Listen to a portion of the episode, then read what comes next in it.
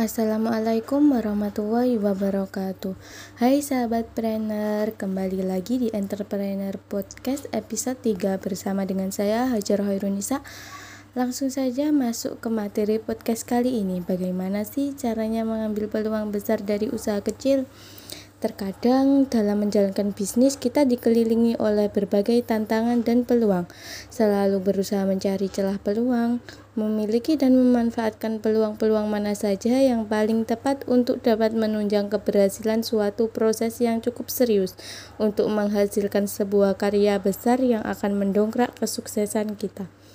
Lalu bagaimana cara kita mendapat kita dapat memanfaatkan momen-momen yang paling tepat untuk sebuah gagasan baru dan menjadi inspirasi untuk membuka peluang-peluang lainnya.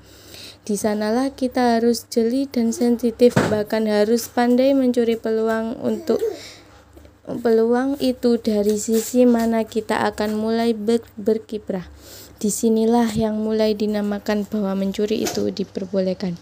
Ya, mencuri peluang bagaimana orang lain tidak memanfaatkannya tapi secara spesifik kita dapat mengambilnya tatkala pesaing dan wirausahawan lain lengah dan tidak terpikir melakukannya. Saat itulah kita secara strategis harus dapat memanfaatkannya sebagai sumber ide. Mencuri peluang dalam mengekspresikan ide bisnis kita. Tentunya ada trik-triknya tersendiri. Mau tahu apa saja triknya? Yuk simak Entrepreneur Podcast sampai sampai akhir ya. Pertama, kita tetap mengedepankan kehati-hatian. Siapa tahu peluang yang kita temukan itu akan beresiko besar. Untuk itulah tetap tetap harus kita analisa dan kita kaji terlebih dahulu kelemahan dan kekuatannya, serta kemanfaatan apa yang kita buat untuk bisnis kita. Berarti ada peluang yang bisa kita ambil atau bahkan perlu kita hindari. Kedua, harus ingat tatkala kita mulai menemukan peluang yang benar-benar brilian itu, segera buat konsep implementasinya secara tertulis dengan mendesain satu analisa kelayakannya maupun menguraikan kemungkinan-kemungkinan resiko terburuknya kalau peluang itu gagal kita jalankan dalam per perjalanannya. Dan tentunya harus bisa melihat lebih dalam apakah penerapannya dapat memberikan banyak manfaat serta berpengaruh besar terhadap produktivitas bisnis kita, terhadap omset mana omset mana pun minat pasar dan produk kita.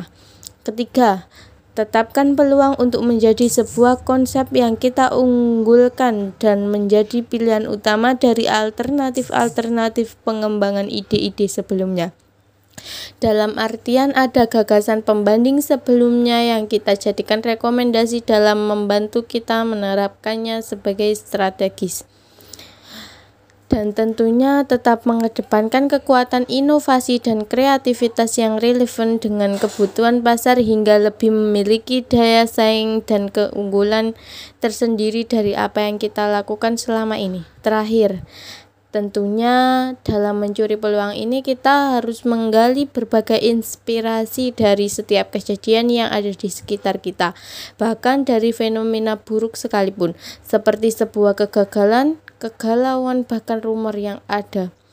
Siapa tahu kondisi yang tidak bersahabat dengan hati kita bahkan keterpurukan kita saat ini menjadi pembangkit kembali semangat kita untuk menemukan peluang lain untuk menjadi alternatif pilihan dan menjadi upaya lain untuk menjadi terobosan yang spektakuler yang akan menentukan nasib bisnis kita ke depannya.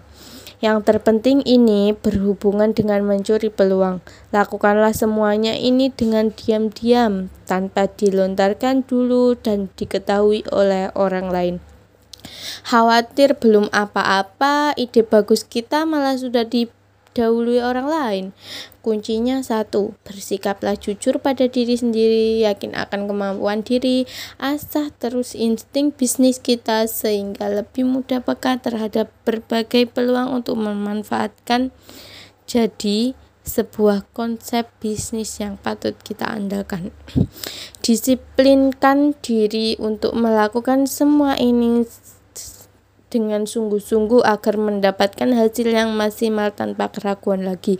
Selalu optimis dan semangat menjalani setiap langkah usaha agar dapat menemukan peluang yang menyebar menjadi sebuah inspirasi bisnis yang terbaik dari sebuah peluang yang entah kapan dan di mana atau dari mana datangnya. Sekian dari saya, semoga bermanfaat ya. Wassalamualaikum warahmatullahi wabarakatuh.